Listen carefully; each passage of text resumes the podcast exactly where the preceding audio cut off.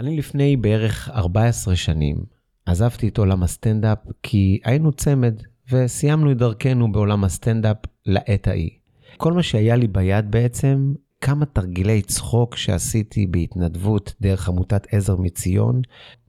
אז טסתי לאומן בשנת 2010, הלכתי לחפש את עצמי. ופתאום תפסו אותי כמה חבר'ה וביקשו ממני שאני אצחיק אותם. הם היו אנשים ככה מאוד מאוד רציניים, שלא נאמר אה, מפחידים, ולא יכולתי לברוח מלא להצחיק אותם. אז אמרתי להם, בואו תכניסו את הלשון לתוך הפה, ועשיתי להם כל מיני שטויות של תרגילי צחוק שהיום אני עושה בסדנאות הצחוק, והם התחילו לצחוק. אמרתי משהו פה לא, לא אמיתי, איך יכול להיות? עשיתי עם כמה תרגילים, אני יודע מה זה להצחיק אנשים. לקח רבע שעה, 20 דקות, והם המשיכו לצחוק, עברתי עוד תרגיל, והם המשיכו לצחוק, אמרתי, משהו פה לא יכול להיות. יכול להיות שהם שתו מדי, יכול להיות שהם ישנו מדי, משהו פה לא הגיוני. אז הלכתי לווילה, בית לא בית, שנתנו לנו שם לגור האוקראינים, וניסיתי את אותם תרגילי צחוק על האנשים שהיו איתי בחדר. וראיתי שגם הם צוחקים.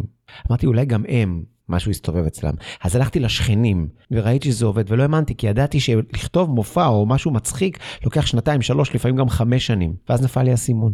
דווקא שמה, באומן, אצל רבי נחמן, קרה משהו מטורף. בן לילה, כמו לוחות הברית, נחתה עליי הופעה שמלווה אותי מ-2010 ועד היום, שבתוכה גם תרגילי צחוק, גם מערכונים, גם סטנדאפ, אבל בעיקר תובנות על העולם, על החיים, דרך חוכמתו של רבי נחמן.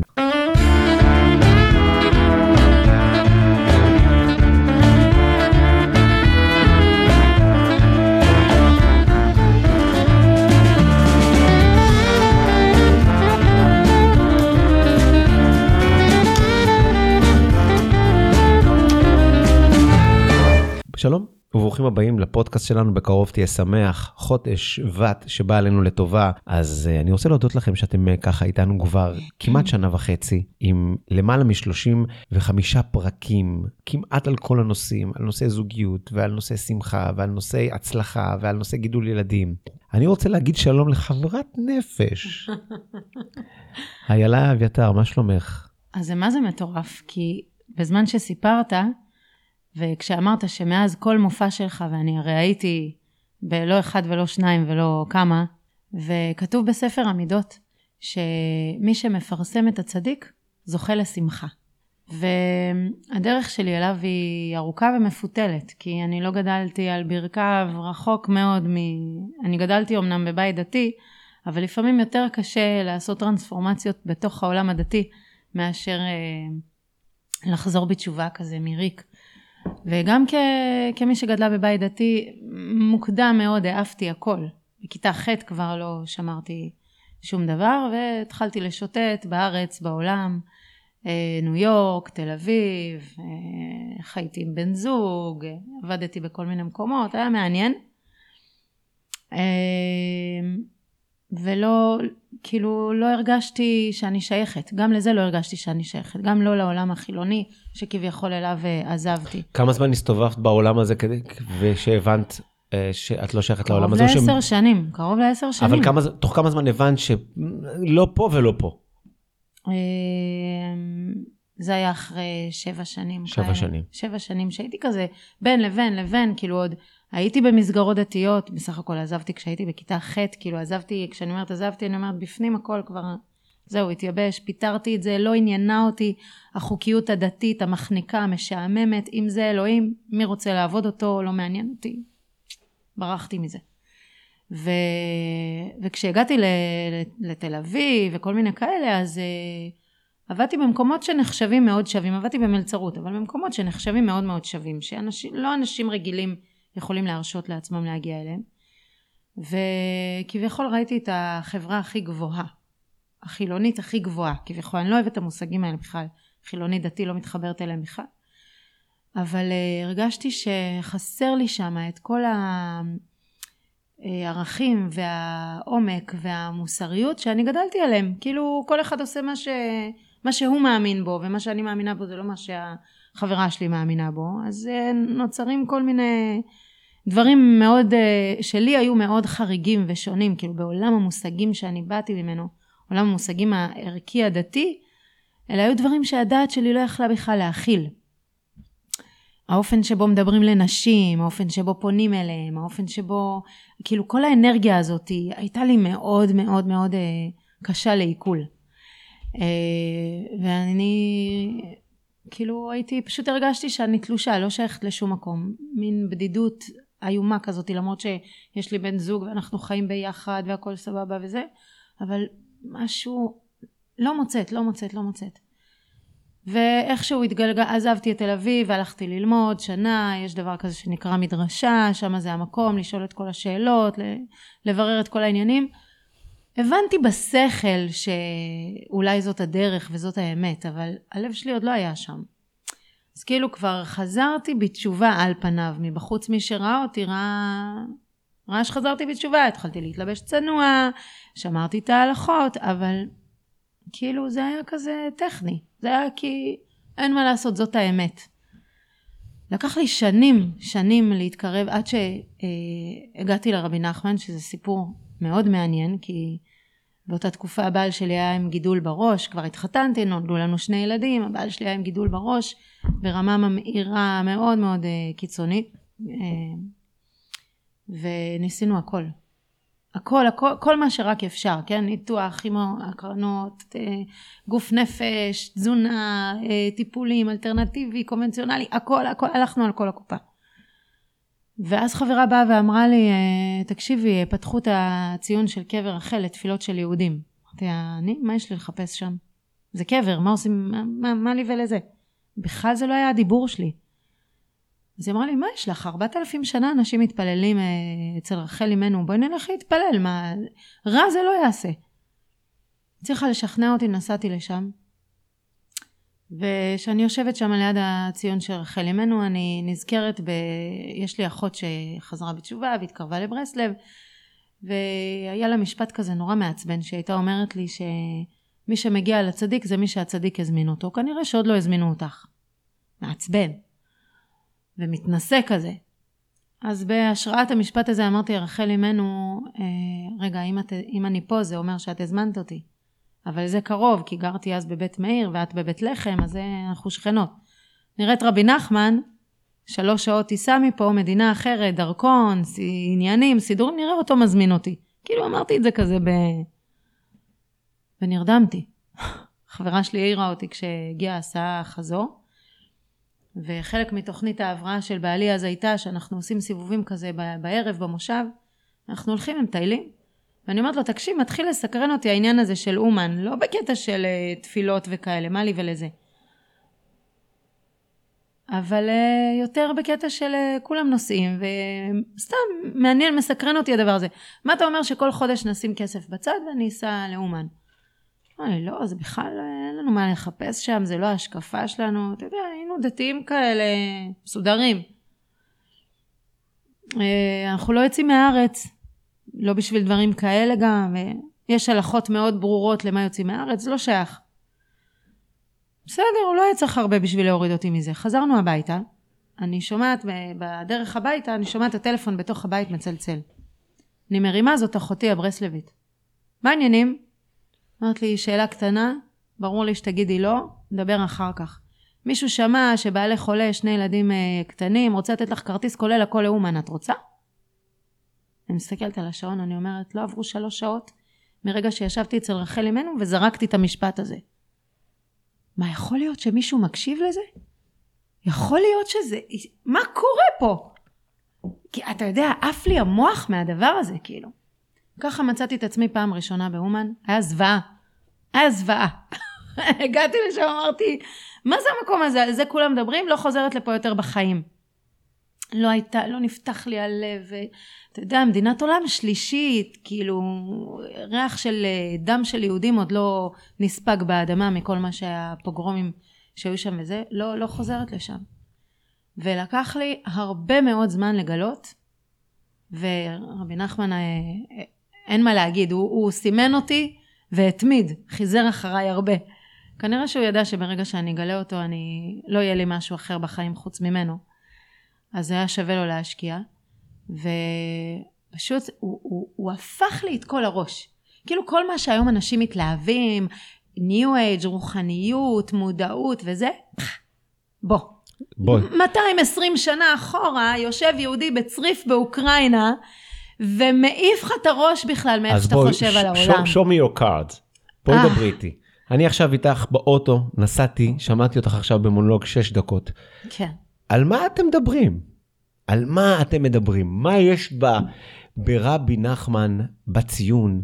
פעם בשנה יהודים, 30, 40 אלף יהודים טסים לשם. כל השנה נשים נסות לשם. מבקשות, קורא, לא, מה, מה, מה את יודעת שחלק מהמאזינים לא יודעים? דברי אלינו. אז אני אגיד לך משהו. כמי שגדלה במסגרות דתיות, אני חושבת שאחת העוולות הכי גדולות שהחינוך הדתי עושה, לא בכוונה, לא בכוונה, וברוך השם היום זה גם הולך ולאט לאט משתפר, זה זה שאתה נכנס לחינוך דתי, אתה נכנס לאיזושהי מערכת חוקים, תקנון, שאתה כבן אדם דתי צריך למלא, משימות, כן? הקדוש ברוך הוא לא נמצא שם. אין לך שום קשר איתו, בטח לא קשר אישי. זה נתפס כהאל הגדול, הגיבור ובעיקר הנורא, שהוא מתפנקס איתי, יש לו פנקס והוא עורך רשימות והוא בא איתי בחשבון, ו- ומעניין אותו כל דבר קטן שאני עושה, והוא נכנס לי אה, לקטנות והוא מחפש אותי ומציק לי ומעניש אותי. כאילו אני, עכשיו הוא סוגר איתי חשבון על דברים שחגגתי בעבר וכל מיני כאלה, זאת התפיסה הדתית שאני אישית גדלתי עליה, וזה בכלל לא משנה דתי, חרדי, ליטאי, חסידי, זה, זה מה שרווח, אין, אין קשר אישי. בא רבי נחמן, מפקיע את כל הדבר הזה. רבי נחמן לא היה דתי, והדתי במובן של דת זה חוק. והיום אני יודעת שגם הקדוש ברוך הוא לא דתי, וקשה לו עם דתיים. אני לא אגיד, אני לא אדבר יותר חמור, אבל מאוד קשה לו עם דתיים. ורבי נחמן בא ואומר, תקשיבו, מה נראה לכם? שהוא משועמם? שאין לו מה לחפש? שהוא יושב כל היום ורק מחפש קטנות, ובשביל זה הוא ברא את כל מה שיש פה. אתם לא מבינים שאתם חלק מדבר הרבה הרבה יותר גדול, שכל אחד מכם, הוא, הוא יש לו טביעת אצבע שונה מהשני, לא סתם. כי כל אחד מאיתנו יש לו אור שהוא בא לתת פה, שאף אחד, לא לפניו ולא אחריו, יכול לתת אותו. והוא שותף עם הקדוש ברוך הוא פה בעולם הזה. אוקיי, okay, אבל איך את הולכת עם זה למכולת? הבנתי, זה פילוסופיה, ואני יכול לקרוא את זה גם בבודה, ואני יכול לקרוא את זה ב- ב- ב- בכל מיני דתות אחרות, אבל איך איילה לוקחת את זה ושמה את זה ביום יום שלה, במפגש שלה עם הילדים ועם הקולגות ועם השכנים, איך אנחנו מורידים כן. את הדבר הזה? אז, אז זה, זה אחד הדברים שהכי מדהים אותי ברבי נחמן, זה שהוא לא דיבר פילוסופיות גבוהות. הוא היה מאוד מאוד פרקטי, מאוד מעשי, ובשונה מאוד מכל הספרי קודש שאנחנו יודעים שכתובים בהם רעיונות מטורפים, הוא דיבר איתי על מה שאתה ואני עוברים כל יום, כל רגע.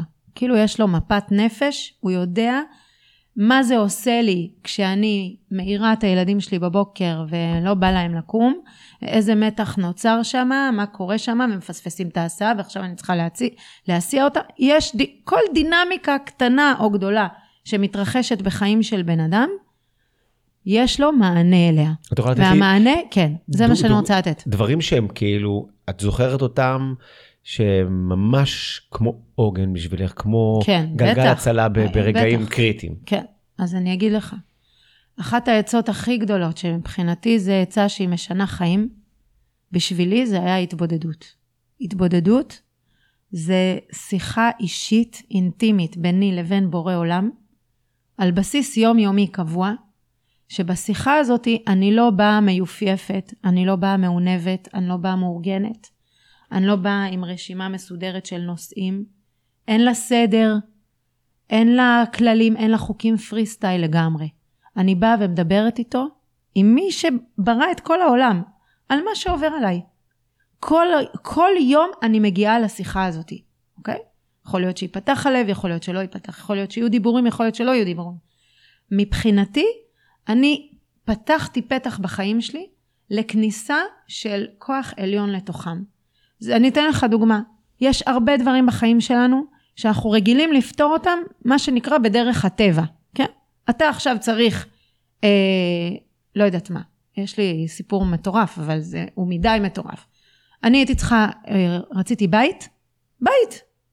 רציתי לבנות בית. אני גרה במושב, יש לי שטח, רציתי לבנות בית. אנשים יודעים שבשביל לבנות בית צריך לעבוד מאוד קשה, לקחת משכנתה, נכון? לשלם אותה כל החיים 30 שנה. אני יכולה להגיד לך שאני חיה בבית הכי יפה שאני ראיתי בחיי, כי אני התפללתי על הבית הזה. עכשיו זה נשמע מה זה הזוי, נכון? אני כל יום יושבת לשיחה עם הקדוש ברוך הוא. יש לו, אני הבנתי שיש לו כל כך הרבה דרכים לפעול בעולם הזה. אני, כמו שאר בני האדם, מצמצמים אותו ל- לערוצים מסוימים. זאת אומרת, אני אעבוד ככה וככה שעות, אני ארוויח ככה וככה כסף. עם חלק אני אכסה את המשכנתה, עם חלק אני אחיה, נכון? זה התפיסה הרווחת, הרגילה. אבל בא רבי נחמן ואומר לי, על כל דבר, משרוך נעל ועד הבריאות ועד היחסים אה, הזוגיים ועד הילדים ועד בניית בית ועל כל דבר ועל מקצוע ועל שכנות ועל הכל את יכולה להתפלל. וברגע שאת מדברת על זה ואת מתפללת על זה, את פותחת מרחב אינסופי של אפשרויות. זאת אומרת, הדברים יכולים להיפתר לא רק בדרך הקונבנציונלית שכל העולם מכיר. תני לו להפתיע אותך. אבל אם אני עכשיו, אני לא בעולם הזה, אני מקשיב כן. לך, סבבה, את נשמעת לי אמינה, את נחמדה, אחלה, את גם לא מחזירה אותי בתשובה, הכל בסדר, אחלה. אבל אני עכשיו בתור בן אדם ששומע אותך כרגע בנסיעה, מאמין יותר, מאמין פחות. אני בדרך עכשיו. כן. אוקיי, אני מוכן רגע לעשות לך ג'סטה, או לעצמי ג'סטה, לעולם ג'סטה, לסגור רגע את החלונות או לפתח אותם. מה, איך, איך אני עושה את זה? בוא תסביר לי מה, מה... זה תוריד בדיוק, אותי רגע, ת, בדיוק זאת. הנקודה ש... מה אני עושה? זה מה שאני רוצה להגיד, שזה לא צריך אה, להיות באיזשהו מעמד או מקום, גם מבחינה דתית, כדי ל, ל, לדבר עם השם. אבל מה אומרים? מה אומרים? יש איזה תפילה? כולם, זה פתוח לכולם. איך מתחילים? פשוט. אתה רק צריך להחליט שאתה מוכן לסגור טלפון, לשים אותו על מצב טיסה, שלא יהיו הסחות דעת, שלא יהיו שום דבר, לא יהיה שום דבר שייכנס פנימה, לא רדיו, לא אנשים, לא כלום. תמצא לך סיטואציה שהיא נעימה לך ונוחה לך, בבית, על הספה, בגינה, כשאתה עושה סיבוב עם הכלב, או כשאתה נוהג באוטו, לא משנה מה. ואתה אומר, שמעתי שאפשר לדבר איתך. אני רוצה לדבר איתך. אני רוצה לדבר איתך כמו עם החבר הכי טוב שלי. ככה רבי נחמן אומר, מדברים עם השם כאילו החבר הכי טוב שלי. עכשיו, החבר הכי טוב שלי זה מי שיוציא אותי תמיד טוב מסיטואציה. הוא לא מחפש איפה אני לא, הוא מחפש איפה אני כן. זה דבר אחד. אבל גם הוא יכוון אותי איפה שאני טועה, או איפה שאני מסתבכת, או איפה שאני זה, לפתוח לי את המבט. עכשיו, העולם קורא לזה עלה בדעתי, כן? עלה בדעתי, זה זה, זה מה שקורה הרבה פעמים בהתבודדות. כשאני מתחילה לדבר על משהו, פתאום עולים בדעתי דברים, בדיוק כמו שתיארת שהיה לך באומן. שאתה התפללת, התבודדת, פתאום אלה הצחקת אותם, אלה הצחקת אותם, עלה בדעתך, פתאום התיישב לך, נכון? יכול להיות אבל שיש פה משהו פסיכולוגי. זאת אומרת, אני, אני הרבה פעמים הולך לפסיכולוג, אני מדבר איתו, הפסיכולוג בסוף אומר, 440 שקל פלוס מע"מ, ניפגש שבוע הבא. הוא לא הוציא שום מילה, כן. והרגשתי הקלה. נכון. אז יכול להיות שזה עניין זה. פסיכולוגי? זה בדיוק זה. רק כשאתה הולך ומדבר, דרך אגב, יש פסוק בנביא שאומר, שגם כשאתה מדבר עם מישהו, הקדוש ברוך הוא יושב ומקשיב לזה, ורושם לך את זה, ואחר כך מפרגן לך את זה, כן? יש משפט, אני לא, לא בדיוק יודע איפה זה נמצא, אבל בחסידות, אולי רבנו אומר את זה, כשבזמן שהאדם מדבר עם השם, מתגלות לו התשובות. בוודאי. בזמן שהוא כבר מדבר, נכון. הוא שומע את עצמו כבר אה, אה, אומר את התשובה. נכון. ככה כתוב, חד משמעית. דברים שאדם מסיח בינו לבין קונו, זה תורה קנ"ו בליקוטי מוהר"ן, מה שהוא מדבר בינו לבין השם, בחינת רוח הקודש ממש, באותו רגע, כי זה הפסוק לך אמר ליבי. הלב שלנו, התרגלנו לנתק את עצמנו ולחיות מהראש ומעלה, עמי. אנחנו חיים מפה ומעלה, חיים את ההיגיון, חיים את השכל, חיים את התוצאות, חיים את הקונבנציונלי, חיים את מה שאנחנו רואים ומבינים ושומעים ורואים. אבל יש מימד אינסופי של מעבר. והוא לא רחוק ממני, הוא נמצא בתחושות הבטן שלי, הוא נמצא בלב שלי. ורבי נחמן מחזיר אותך לתת אמון במקום הזה. אז מכיוון... אתה יכול להיכנס לסיטואציה, לאיזשהו מקום, ולהרגיש שמה שבא לך לברוח על, באותו רגע. משהו מכווץ לך, לא נוח לך וזה. מה אתה עושה בדרך כלל? רוב בני האדם נועלים את התחושה הזאתי. רגע, זה פגישה, זה חשוב, אני צריך להיות פה, אני זה, זה, אבל כל, ה, כל הגוף, כל הלב, כל הבטן צועקים, תברח, תברח, זה לא טוב לך. עכשיו, במקום שאני אדחה את התחושות האלה והרגשות האלה, רבי נחמן מכוון אותי להקשיב להם. להקשיב להם, לתת להם מקום, להציף אותם, לעבוד איתם. הם הסמן שלי מלמעלה, לאן שהקדוש ברוך הוא רוצה לקחת אותי. זה לא פה, זה לא מפה, זה לא מהשכל, זה לא מהראש. אתה מבין? ואז אתה, אתה, כשאתה עושה דברים עם הלב, אם הלב שלך נמצא במשהו, הכל נמצא שם. הכל נמצא שם. אבל מכיוון שאנחנו חיים בעולם אה, של אפליקציות ותזמונים ואבא חטוב, אה, תגידי, כן. תוך כמה זמן אני רואה תשובות? אני לא יודעת לענות על זה. אני לא יודעת לענות על זה. משהו. אני לא יודעת לענות על זה, כי זה יכול לקרות באותו רגע, ועוד לפני שאתה, רק, רק יש פעמים שאני אומרת, אני רוצה להתבודד. אני, אני חייבת להתבודד על משהו. זהו, זה כאילו עלה לי, ואני רוצה ללכת להתבודד על זה. רק מזה שאמרתי את זה, משהו נפתח במרחב שלי. משהו בתודעה שלי נפתח. זה אומר שהרבה פעמים זה יכול להחליף לאנשים את הטלפון המהר שהוא מתקשר אה, לחבר הטוב שלו, למישהו מיד לשפוך את, את הכל החוצה, או לפסיכולוג המקרר, שלו.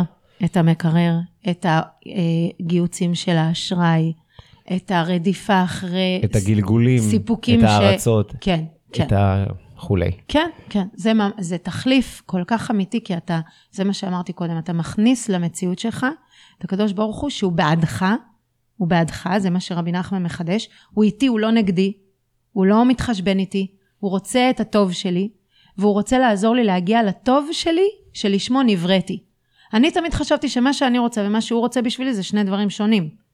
לא הבנתי שהנאמנות שלי לעצמי היא בדיוק מה שהוא מבקש ממני. כן? שאני חיה בנאמנות, שאני עושה מה שאני אוהבת, שאני עושה... תראה, ההורים שלי אמרו לי למשל, עד הפרופסורה אנחנו נממן לך הכל. הכל עלינו. דירה, רכב, הוצאות, כלכלה, הכל, הכל, הכל. רק תלכי ללמוד באוניברסיטה. עמי כף רגלי לא דרכה באוניברסיטה מעולם, לא מסוגלת ללמוד שם. אני ידעתי שברגע שאני אכנס לאוניברסיטה, זהו, ירד עליי המסך, ייסגר, אני לא מסוגלת. עכשיו, האומץ לא ללכת ולעשות את זה. האומץ להסכים לחיים שהם לא בטוחים. תכלס בו, בינינו, אין לנו שליטה על שום דבר. אין לנו שליטה על שום דבר. כולנו חיים כאילו יש לנו עד אין סוף, כן? עכשיו, בתקופה שליוויתי את הבעל שלי שהיה חולה, אה, קראתי המון, אז לא היה כל כך אינטרנט נגיש, אז קראתי המון המון ספרים ופגשתי המון המון אנשים. וגיליתי תופעה מדהימה, שכשבן אדם יושב מול רופא, והרופא בחוצפתו קוצב לו חיים, ואומר לו, נשארה לך חצי שנה לחיות, נשארו לך חודשיים לחיות, נשארו לך שלושה חודשים לחיות, פתאום בן אדם מתעורר ואומר, שנייה, מה? זה מה שנשאר לי? אני מפסיק לדפוק חשבון. הוא לא אומר אני מפסיק לדפוק חשבון, אבל פתאום הוא מתחיל לעשות פעולות שהוא לא העז לעשות אותן לפני כן. עכשיו, למה צריך להגיע למצב כזה? אני רוצה לחיות את החיים שלי, בלי שאף אחד עומד לי עם אקדח על הרקה. אני רוצה כל יום לחיות, לחיות את החיים שלי בהכי שלי, ב, ב, במלאות, בשמחה, בהגשמה, בעשייה, ביצירה. לא רוצה שמישהו יבוא ויגיד לי, נשאר לך ככה וככה. אז ההתבודדות מביאה אותך למצב שאתה שואל את עצמך, רגע, ככה אני רוצה לחיות את החיים שלי? זאת אומרת, אני נמצא עכשיו באיזושהי מערכת יחסים, והיא מקשה עליי, והיא סוגרת עליי, והיא לא טובה לי, מה אני צריך לעשות שם? מה אני צריך לעשות שם? תגלה לי. לא הכל, כאילו, לא, לא, לא ללכת עם התשובות הרגילות של העולם. כן, לא, שחור לבן, פרק או להישאר. זה, לא, יש המון מרחבים יצירתיים אינסופיים בפנים. יש זמן שאני צריך לתת, כי הרי אם אני אבוא שתי דקות, שלוש דקות, ולא אקבל תשובות, תגיד, אה, החרטטה הזאתי גם כן השטויות שלה בפודקאסטים האלה. יש זמן שאני צריך להגיד, אוקיי, זה הזמן, גם אם תשתוק, תשתוק, גם אם לא יבואו תשובות, לא יבוא, גם לא יהיו לך שאלות, לא יהיו לך שאלות, אבל כן. קח את הזמן, מה הזמן? הזמן הוא כמה שיש לך, כמה שאתה רוצה. זה יכול להיות... שלוש דקות, זה יכול להיות עשר דקות, רבי נחמן ממליץ על שעה. אבל אנחנו לא הולכים על שעה, לא מתחילים בשעה. רבי נתן כותב, שזה התלמיד הכי גדול של רבי נחמן, אומר 18 דקות.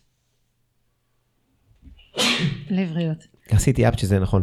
18 דקות זה הזמן שהוא אומר שלוקח לבשר אה, לה- להכשיר בשר. זמן שלוקח להכשיר את הלב זה 18 דקות. וואו, כן, זה חדש. כן. 18 דקות. כן.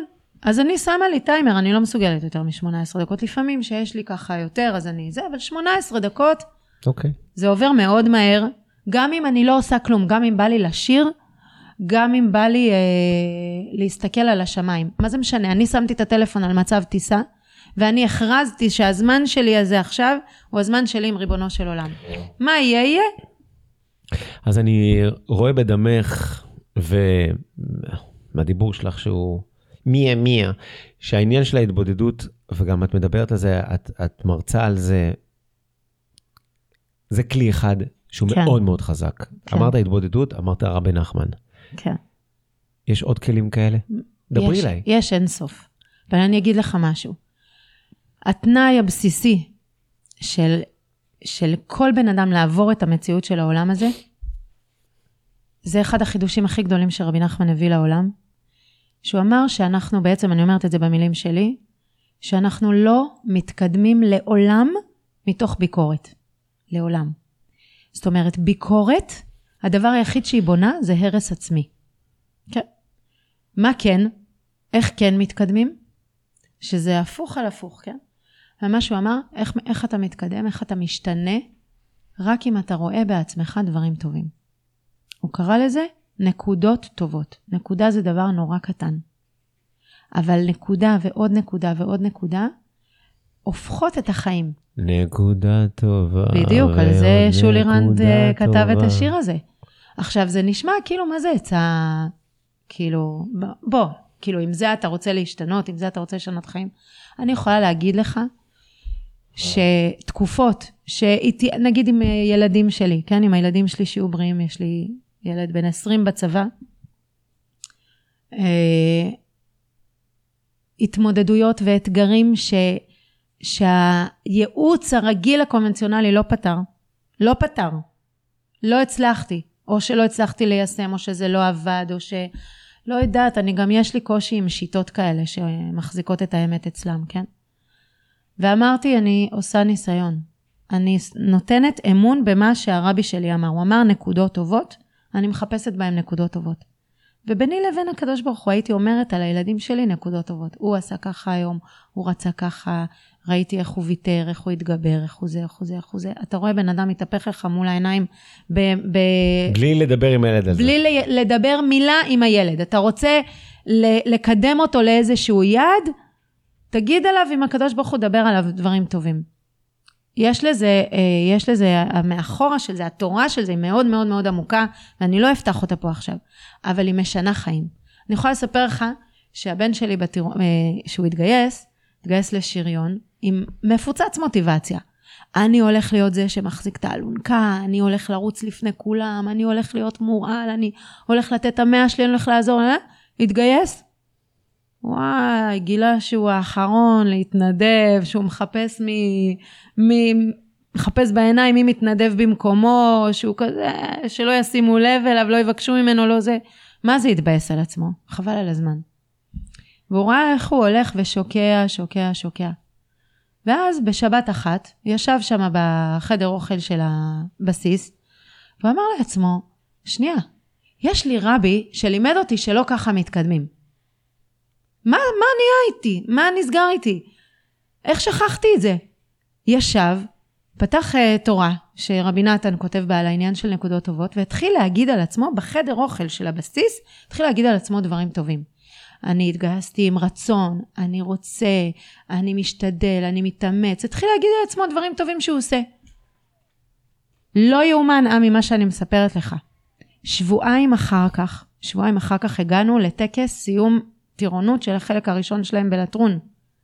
הילד שלי הצטיין פלוגתי, קיבל מצטיין פלוגתי. איך הוא הגיע ממצב שהוא, הוא אמר, אני ראיתי מול העיניים שלי את השינוי שהתחולל בי.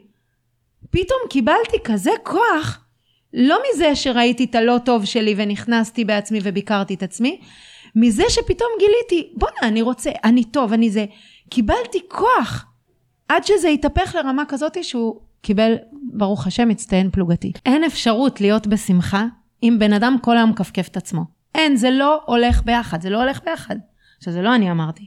הבוקר, כשאני עשיתי את ההתבודדות שלי הבוקר, אז יש את הספר ליקוטי תפילות, שזה כמו ספר תהילים, רק שרבי נתן כתב, זה, הוא עבר דברים שאי אפשר לדמיין, ועשה מהם, זה המסמך של ההתבודדויות של רבי נתן. וביקשתי ממנו שייתן לי תפילה. ידעתי שהיום אני מגיעה לפודקאסט המתוק הזה, שייתן לי תפילה. ותראה מה פתחתי. הוא פונה לקדוש ברוך הוא ואומר לו, היה בעזרי והושיעני, שאזכה לאסוף ולקבץ כל חלקי השמחה, מכל המצוות והנקודות טובות שזכיתי ברחמך מאודי עד היום הזה, והתקבצו אליי כל חלקי השמחות האלו יחד, והתגברו בכל עוז על העצבות והמרה השחורה של עוונותיי הרבים, עד שאזכה על ידי זה לשמוח בכל עוז תמיד. כאילו, מה אומר פה בעצם? העבירות הכי גדולות שלנו, זה המחשבות הלא טובות שלנו על עצמנו. זה העבירות הכי גדולות שלנו. למה? כי הן מורידות אותנו למטה. ואז אין לנו כוח לעשות כלום, ואין לנו חשק, ולא בא לנו, ואנחנו מותשים ועייפים, ושלא נדע גם חולים, כי אנחנו כל הזמן מכפכפים את עצמנו. יש לנו איזה נבוט תורן, שעל כל דבר טוב שאני אעשה, הוא יגיד לי, אבל, אבל אני יודע מה הייתה הכוונה שלך. אבל את תמיד ככה, ואת תמיד הורסת, ואת תמיד זה, ואת תמיד זה, ואת תמיד כועסת, ואת תמיד עצבנית, ואת תמיד... נכנס בי בארטילריה כזאת כבדה, ואני מאמינה לו. כולנו מאמינים לקולות האלה. אבל זה, אלה הדברים שמונעים מאיתנו להיות בשמחה. והוא בא עם התפילה המתוקה הזאת, והוא אומר, אני, יש בי הרבה יותר טוב מאשר לא טוב, בכל אחד מאיתנו, כן? יש הרבה יותר טוב מאשר לא טוב.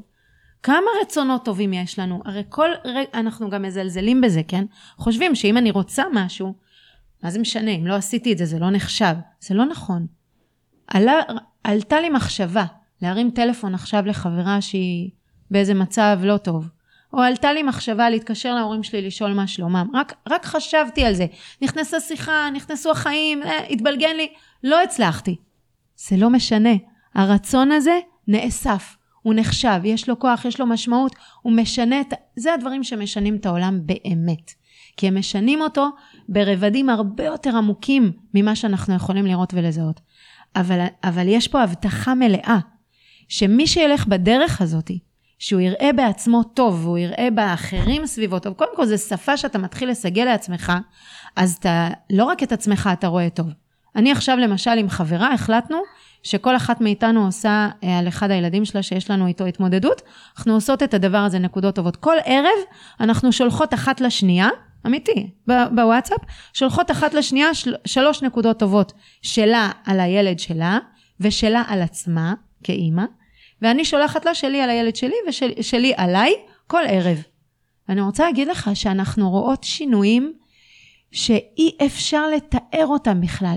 אי אפשר לתאר אותם, זה לא שינויים סבירים, זה לא שינוי שפסיכולוגיה יכול לעשות, אפילו לא ריטלין, בסדר?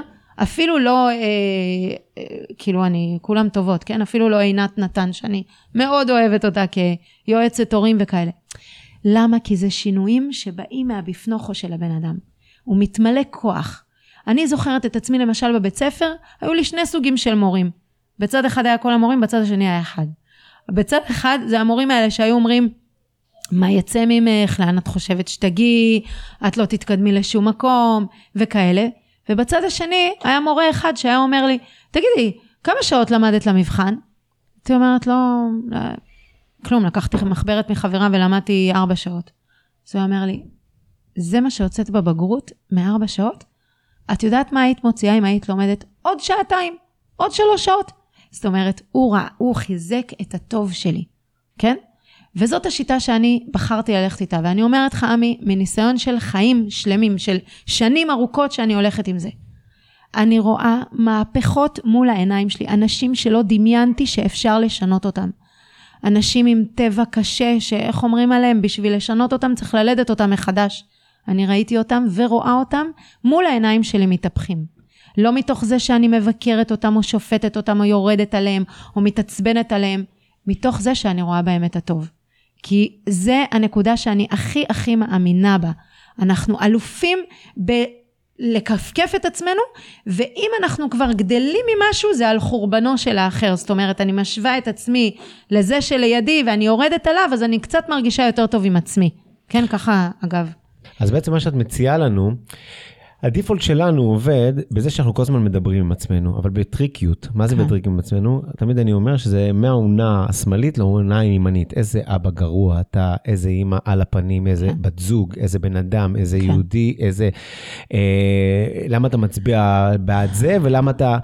כל הזמן אנחנו יודעים, במוח, בין אונה לאונה, אנחנו אלופים בלפטפט. נכון. ואת מציעה לפתוח את הפה ולתת לנו לדבר, ולדבר דברים שהם בנקודות טובות על עצמנו. נכון. שזה, שזה עניין של חידוש ל, ל, לרוב האנשים, והאמת שגם לי, אני שמעתי הרבה פעמים על נקודה טובה, אבל לבוא להגיד על עצמך נקודה טובה, כן. על פי הסיפור שסיפרת עכשיו על הבן שלך, החייל הצעיר שיחזור תמיד לשלום, ושתמיד שהשם אמן, ישמור אותו. אמן. אמן כן יהי רצון.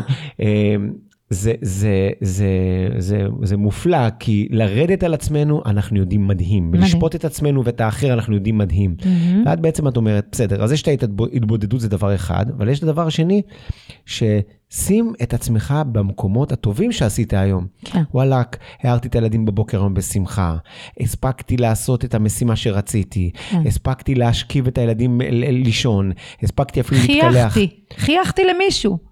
חייכתי למישהו. מזגתי לעצמי כוס מים. עצרתי רגע לאכול משהו. כאילו זה אומר, זה דברים זה קטנים, אבל זה דברים נקודה קטנים. טובה, נקודה. הוא לא אומר לך עכשיו תביא מסות של טוב, נקודה טובה. זה מדהים, כי אנחנו הולכים, אנחנו גם בדור כזה שאנחנו הולכים בענק, בגדול, ובכלל גם אף אחד לא סופר אותנו, בוא. אתה שם את הלב שלך, פותח אותו, משתפך בכיכר העיר, לא משנה פייסבוק, לא משנה איפה זה, אנשים יושבים, דפדפים אותך. אחרי 24 שעות אתה לא רלוונטי, מה זה משנה מה עברת, מה כי היית? מבחינתם הפייסבוק זה ההתבודדות, עכשיו אני אספר לעולם והעולם יגיב לי, אתה לא מעניין אף אחד. אתה לא מעניין, אתה לא מעניין, חוץ מאחד. יש מי שכן סופר אותך. והנקודות הטובות, זה היה החידוש העצום בשבילי של רבי נחמן. שאשכרה, אם כבר מדברים על אלוהים והקדוש ברוך הוא שיושב, אם הוא סופר כבר משהו, אז הוא סופר את הנקודות הטובות את שלנו. קצת מקלקלת לאנשים עכשיו, בחייאת. בואנה, תראי מה קורה בפוליטיקה, ומה קורה עם הדתיות, ואיך מציינים את הדתיות. זה, מה עכשיו את מספרת לנו על רבי נחמן, על להיות טוב עם עצמך, על להתבודד, לקחת את התורה בדרך שלך, אלוהים הוא בלי חוקים. בואנה, תראי מה קורה, עזבי, אני לא רוצה לדבר, ואל תחזירי אותי בתשובה, ולא מתאים לי לשמוע את זה, וקשה לי לשמוע את זה. מה, לא? לא, לא תצליח לשכנע אותי. אתה יודע למה? בגלל שזה עיתון שמגלגלים איתו דגים. זוכר את הביטוי הזה כשהיינו קטנים? זה מחר לא ייעלם, זה מזה לא יישאר כלום. אנשים מתעצבנים על פוליטיקה, על הדתיים, על החוק הזה, על הזה, על הזה, עושים מזה כזה עניין. הכל עובר והכל פורח. יש דבר אחד שנשאר, וזה מי שאנחנו והטוב שבאנו לעשות פה. והשאלה היא, במה אתה רוצה למקד את החיים שלך? על מה אתה רוצה לשים את האנרגיה שלך? ואיך אתה רוצה לשנות פה דברים? תשמע, אני רק רוצה לשים נקודה, כן. ולהגיד, זה לא משנה מה הדעות באמת הפוליטיות, אני בכוונה מעלה את זה. לאף אחד אין בעלות על אף אחד, ולא על אמונה. ממש לא. והנקודה הפנימית הזאת, הנקודה הטובה הזאת, זה נקודת האמון שיש לנו, וכל אחד יודע כמה הוא קרוב או רחוק ומה המערכת יחסים. ואם רוצים לחזק את המערכת יחסים, זה לא קשור לפוליטיקה ולא קשור לאיך מגדירים אותנו, זה בדיאלוג שלנו עם עצמנו, עם עצמנו לקדוש ברוך הוא, וכל אחד בדרכו. נכון.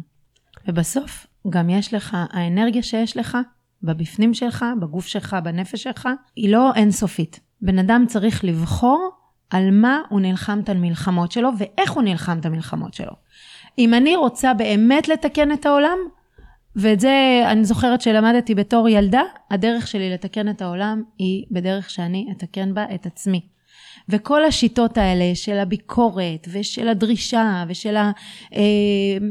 ה- הרי כל המערכת בחירות הזאת, ובכלל לא משנה מה הדעות שלנו, היא, היא הייתה כל כך הפוכה מכל הגישה הזאת, שאף אחד לא בא ואמר, אני רוצה להגיד מה הנקודות הטובות שלי, אני רוצה להגיד מה הנקודות הטובות של ה... אה, של ה... איך זה נקרא? מתנגדים שלי, המתנגדים או ההופכים כן. זה לא השפה. זה לא השפה. אז ממילא, זאת לא השפה שאני מאמצת לחיים שלי, כי בוא, היא לא הובילה אותנו בשום צורה למשהו טוב. אני עושה כל יום בחירה מודעת במה אני, לאן אני מנתבת את הכוחות שלי, ואת היכולות שלי, ואני רוצה להגיד לך שזה אפילו משפיע, חד משמעית זה משפיע, עד המקומות הכי רחוקים והכי גבוהים שיש. מה שיפה פה, שאנחנו לא מדברים פה על שום מצוות ותרי"גים, כי בעצם מה שרבי נחמן אמר, התבודדות זה לא מצווה מהתורה, נכון. ונקודה טובה זה לא מצווה מהתורה, זה מצווה של עצמך להיות טוב עם עצמך, נקודה. כן. זה לא מופיע בעשרת הדיברות, וזה לא דבר תורני, וכאילו, אני חשוב לי להגיד את הדבר הזה, שהפודקאסט הזה לא ייתפס עכשיו כאילו אנחנו, כל אחד שעושה מה שהוא רוצה. רבי נחמן, וניסיתי מלא מלא דברים.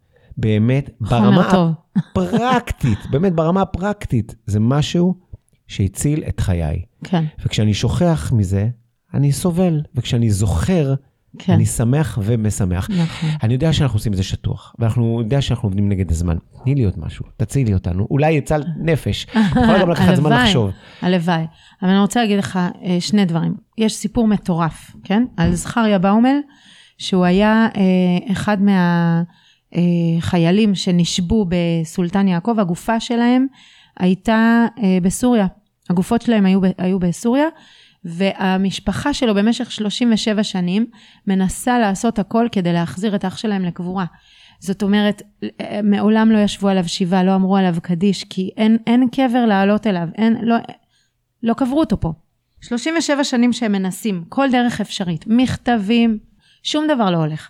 באחד הימים, אחד האחים אומר, תקשיבו, ניסינו כל מה שיכולנו, בואו ננסה דרך אחרת. בואו ננסה להגיד על uh, ביבי, שהוא היה ראש הממשלה, בואו ננסה להגיד עליו דברים טובים. ישבו מסביב לשולחן, משפחת באומל, והתחילו להגיד דברים טובים על ביבי. תורם לביטחון של המדינה, הוא נלחם בשבילנו, הוא uh, מוסר את הנפש שלו, זה, זה ככה. התחילו להגיד, לא משנה מה הדעות הפוליטיות, כן, לא, זה לא משנה. מה שהוא עשה אי אפשר לקחת ממנו, אז אמרו עליו דברים טובים. לא עבר הרבה זמן, ממש לא עבר הרבה זמן, סיפור של כאילו, אני, אני חושבת שזה היה שבוע או שבועיים אחר כך, הם מקבלים טלפון ממשרד ראש הממשלה, שאח שלהם מביאים אותו לקבורה בארץ, אחרי 37 שנים. בשבעה, ביבי מגיע אליהם, ומספר להם את הסיפור הבא, והוא לא יודע ממה שהם עשו שום דבר, כן? אמר, תשמעו, ישראל עשתה לרוסיה טובה מאוד גדולה מבחינה ביטחונית, והם היו חייבים לנו. ישבנו, כל הדרג המדיני הכי בכיר, ועשינו רשימה מה הדברים שאנחנו רוצים לבקש מרוסיה, מה אנחנו רוצים לבקש מהם עזרה, כן? היו שם 50 דברים ברשימה, אח שלכם לא היה ברשימה. אנחנו לא, זה, זה כאילו יש דברים שתלויים בביטחון של כל אזרחי מדינת ישראל, זה לא אחד מהם, זה לא היה ברשימה. צמצמנו, ישבנו דרג יותר uh, מצומצם, צמצמנו את זה לעשרה דברים, מתוך זה לשלושה דברים. הגעתי לפגישה עם פוטין, נשיא רוסיה, כשהפתק בכיס של החליפה שלי עם שלושת הדברים שהם קשורים לביטחון כל מדינת ישראל, שאני רוצה לבקש שאחד מהם הוא יעשה לנו טובה חזרה. אני יושב מול פוטין ואנחנו מדברים, והשם של הבן שלכם מנקר לי בראש, זכריה באומל, זכריה באומל. זכריה באומל, זכריה באומל. והוא אומר, הוא לא רשום לי בפתק. אם אני מבזבז את הבקשה שלי עליו, הלך הדברים האחרים. אבל זה לא עוזב אותי. מה אני, מה אני עושה? פוטין אומר, טוב, בוא תגיד לי מה חשבתם איזה. אז אני אומר לו, תשמע, יש לנו חיילים ששבויים, גופות שלהם שבויות, והמשפחה רוצה קבר, להתאבל עליו, להגיד עליו קדיש, להתפלל עליו. אומר לו, לפני כמה שנים זה היה? אומר לו, 37 שנים. פוטין אומר לו, אתה רוצה להגיד לי שאכפת לכם מחייל שלפני 37 שנים נעדר, אתה מדבר איתי על הגופה שלו, להביא את הגופה שלו? ביבי אומר לו, כן. אומר לו, זה עליי. זה מחוץ לרשימה. עכשיו תגיד לי מה אתה רוצה לבקש לביטחון המדינה. וככה הוא הביא אותו לקבורה. מטורף. עכשיו, שהמחשבה הזאת תישתל בראש של ביבי, איך זה יקרה? אתה מבין? אף אחד לא דיבר עם ביבי, אמר לו, אנחנו מאמינים שאתה טוב, שאתה תביא את, את הבן שלנו הביתה וזה. הם דיברו ביניהם. זה עלה למעלה. הקדוש ברוך הוא שמע את זה. ונתן לביבי כוח ושתה לו את המחשבה הזאת במוח, לדבר עם פוטין, לשחרר את אה, זה, וככה הוא הגיע לקבורה. ככה שהדבר הזה, ואני אומרת לך, עזוב דוגמאות, דיברנו פוליטיקה ואיך מתמודדים עם זה, אני אומרת, גם בפוליטיקה אפשר לעקוף אותה ואפשר להביא לתוצאות מדהימות. זאת אומרת שבמוצאי שבת הקרובה, ניפגש כולנו ברחוב קפלן, מול קריית הממשלה, עם שלטים בעד ביבי, נקודות טובות. רק נקודות רק טובות. נקודות טובות. וככה באמת אנחנו, אנחנו נוכל לנצח שלא יסגרו את התאגיד, שכן יפתחו את ההוא וכן יזרימו את זה והכל יסתדר לטובה. אז דיברנו פה גם על עניין של ההתבודדות וגם על נקודות טובות וגם על איך, שמחה. רק, איך, איך באמת לה- להאיר את השמחה מהמקום הטוב. כמובן שאני אשים למטה בפודקאסט איך להגיע אלייך. מה את עושה היום? זה העניין שלי. אני מפיצה את הדעת של רבי נחמן בעולם. יצאתי עם מופע יחיד שנקרא הסיפור שלי עם רבנו, שהוא מופע שמתאים לכל אישה באשר היא, דתיות, לא דתיות, כל הסטטוסים והגילאים. אה, יש לי קליניקה שאני עובדת בה אחד על אחד, מעבירה תהליכים אישיים, כל מי שרוצה לחולל שינוי עמוק ואמיתי בחיים שלה. ויש לי מועדון מתבודדות שאני מלמדת בו, מועדון וירטואלי שאני מלמדת בו איך אה, להתבודד. אז אם אתם רוצים לדעת יותר, אתם מוזמנים ללחוץ למטה על הלינק. מי שרוצה קצת לקרוא על רבי נחמן יכול דרך הספר שלי, דרך הגוגל, איילה אביתר. תודה רבה שהגעת עד לפה. תודה רבה. וזה היה באמת על קצה קצה, אפילו לא, אפילו לא הקצה של הקצה, נכון.